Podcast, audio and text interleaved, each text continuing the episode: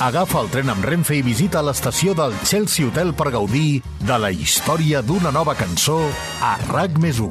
Amb Olga Suanya, el podcast on les cançons lliguen amb la història.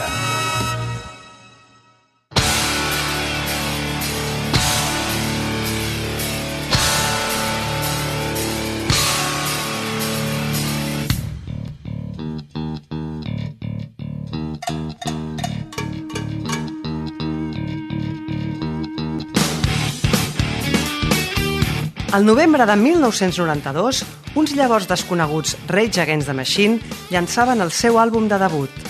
El nom de la banda ja deixava clara la seva posició reaccionària contra el sistema establert i el títol del seu disc de presentació rubicava aquest compromís amb una crítica directa a l'abús de poder i la violència.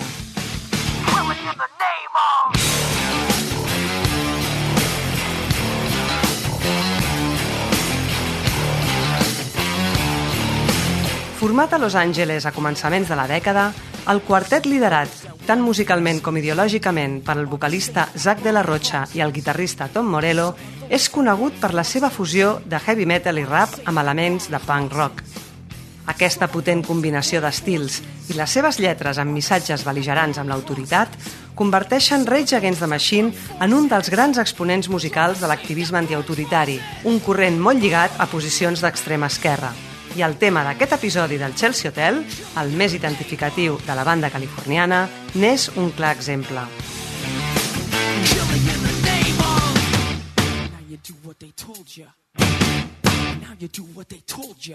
Per acompanyar aquesta proposta musical trencadora i la crítica contundent de la lletra de Killing in the Name, Rage Against the Machine va triar una foto de portada extremadament impactant, una instantània guanyadora d'un Premi Pulitzer que recull el moment dramàtic en què un monjo budista s'autoimmola cremant-se viu al centre de Saigon.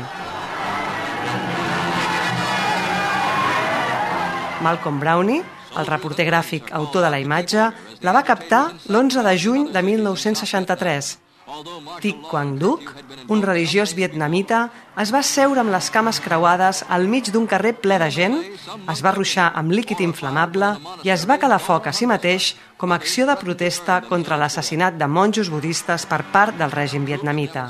Després d'ell, diversos monjos més van recórrer a aquesta forma de treure's la vida per denunciar l'opressió que el president del Vietnam del Sud exercia sobre la població.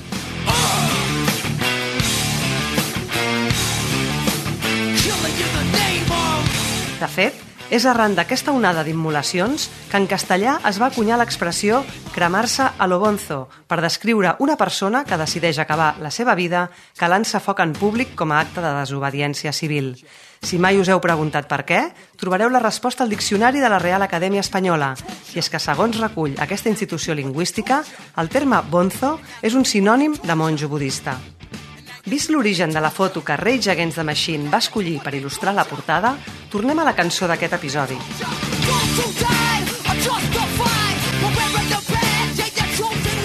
Tom Morello la va compondre mentre feia amb un alumne a qui donava classes de baix un exercici d'afinació de les cordes de la guitarra en re, una tècnica que proporciona a l'instrument un so més dens.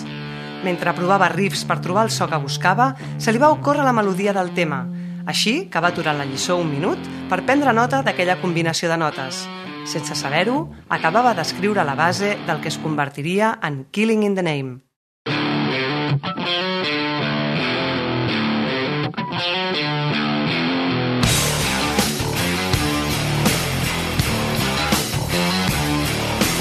A l'hora de posar-hi lletra, Zach de la Rocha va inspirar-se en el clima polític de tensió racial que es vivia en aquells moments als Estats Units, i especialment en el cas de Rodney King, un taxista afroamericà que va morir després de ser agredit brutalment per diversos agents de la policia de Los Angeles al març de 1991.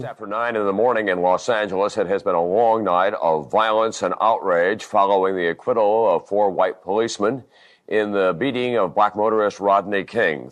De fet, la cançó és una oda a la revolució contra el racisme als organismes de seguretat dels Estats Units i així ho deixa ben clar en els versos que enceten el tema i que es repeteixen durant tota la tornada en clara referència al Ku Klux Klan. Alguns dels que treballen per a les forces són els mateixos que cremen les creus. Some of those that work forces El seu ritme compassadament agressiu i el seu to provocador amb un llenguatge groller farcit de tota mena d'insults i renecs, fins a 16 vegades hi surt l'expressió fuck, va resultar una fórmula infal·lible que ha convertit Killing in the Name en una peça de culte i que ha estat utilitzada amb diferents propòsits. El més controvertit segurament va ser l'ús que li van donar com a element de tortura a Guantánamo, quan els membres de Rage Against the Machine van assabentar-se que el seu tema es feia servir per vexar els reclusos, van presentar una demanda legal contra el Departament d'Estat americà.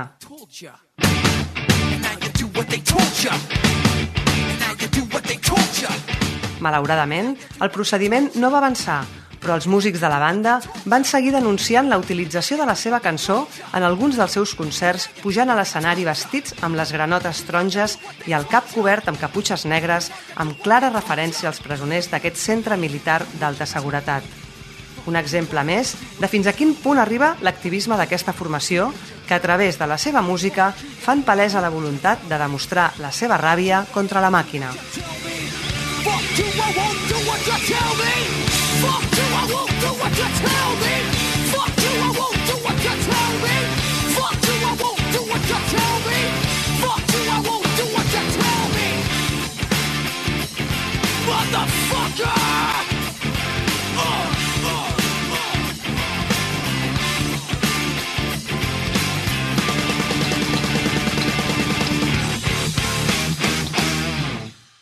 El tren de Renfe, amb parada a Chelsea Hotel, reprendrà el seu viatge i tornarà dissabte que ve amb noves cançons a RAC més 1, amb Olga Suanya, el podcast on les cançons lliguen amb la història.